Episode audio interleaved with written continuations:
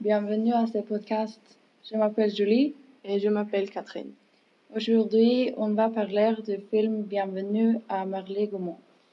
Bienvenue à Marley Gaumont est une comédie dramatique française de euh, 2016 basée sur la euh, vie de Seolo Zantuko, le père du musicien Kamine. Euh, comment s'appelle le réalisateur? Le réalisateur s'appelle Julien Rambaldi.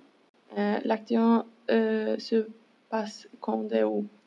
L'action se passait en 1975 et en France.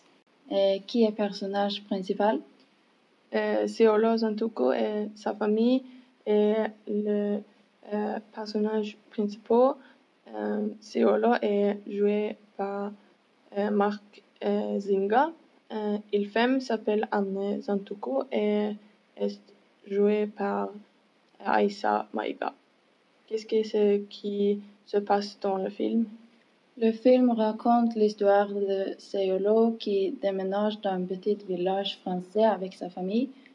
Et il est offert un travail de médecin dans la ville.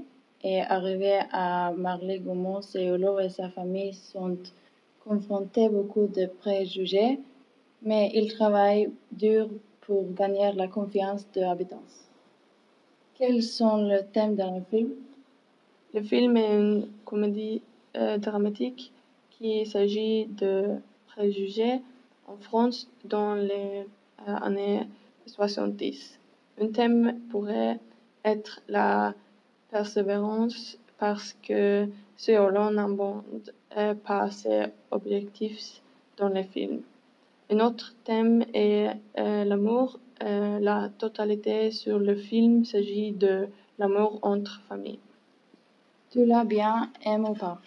J'aime le film parce que c'était un film drôle et doux avec euh, un message important.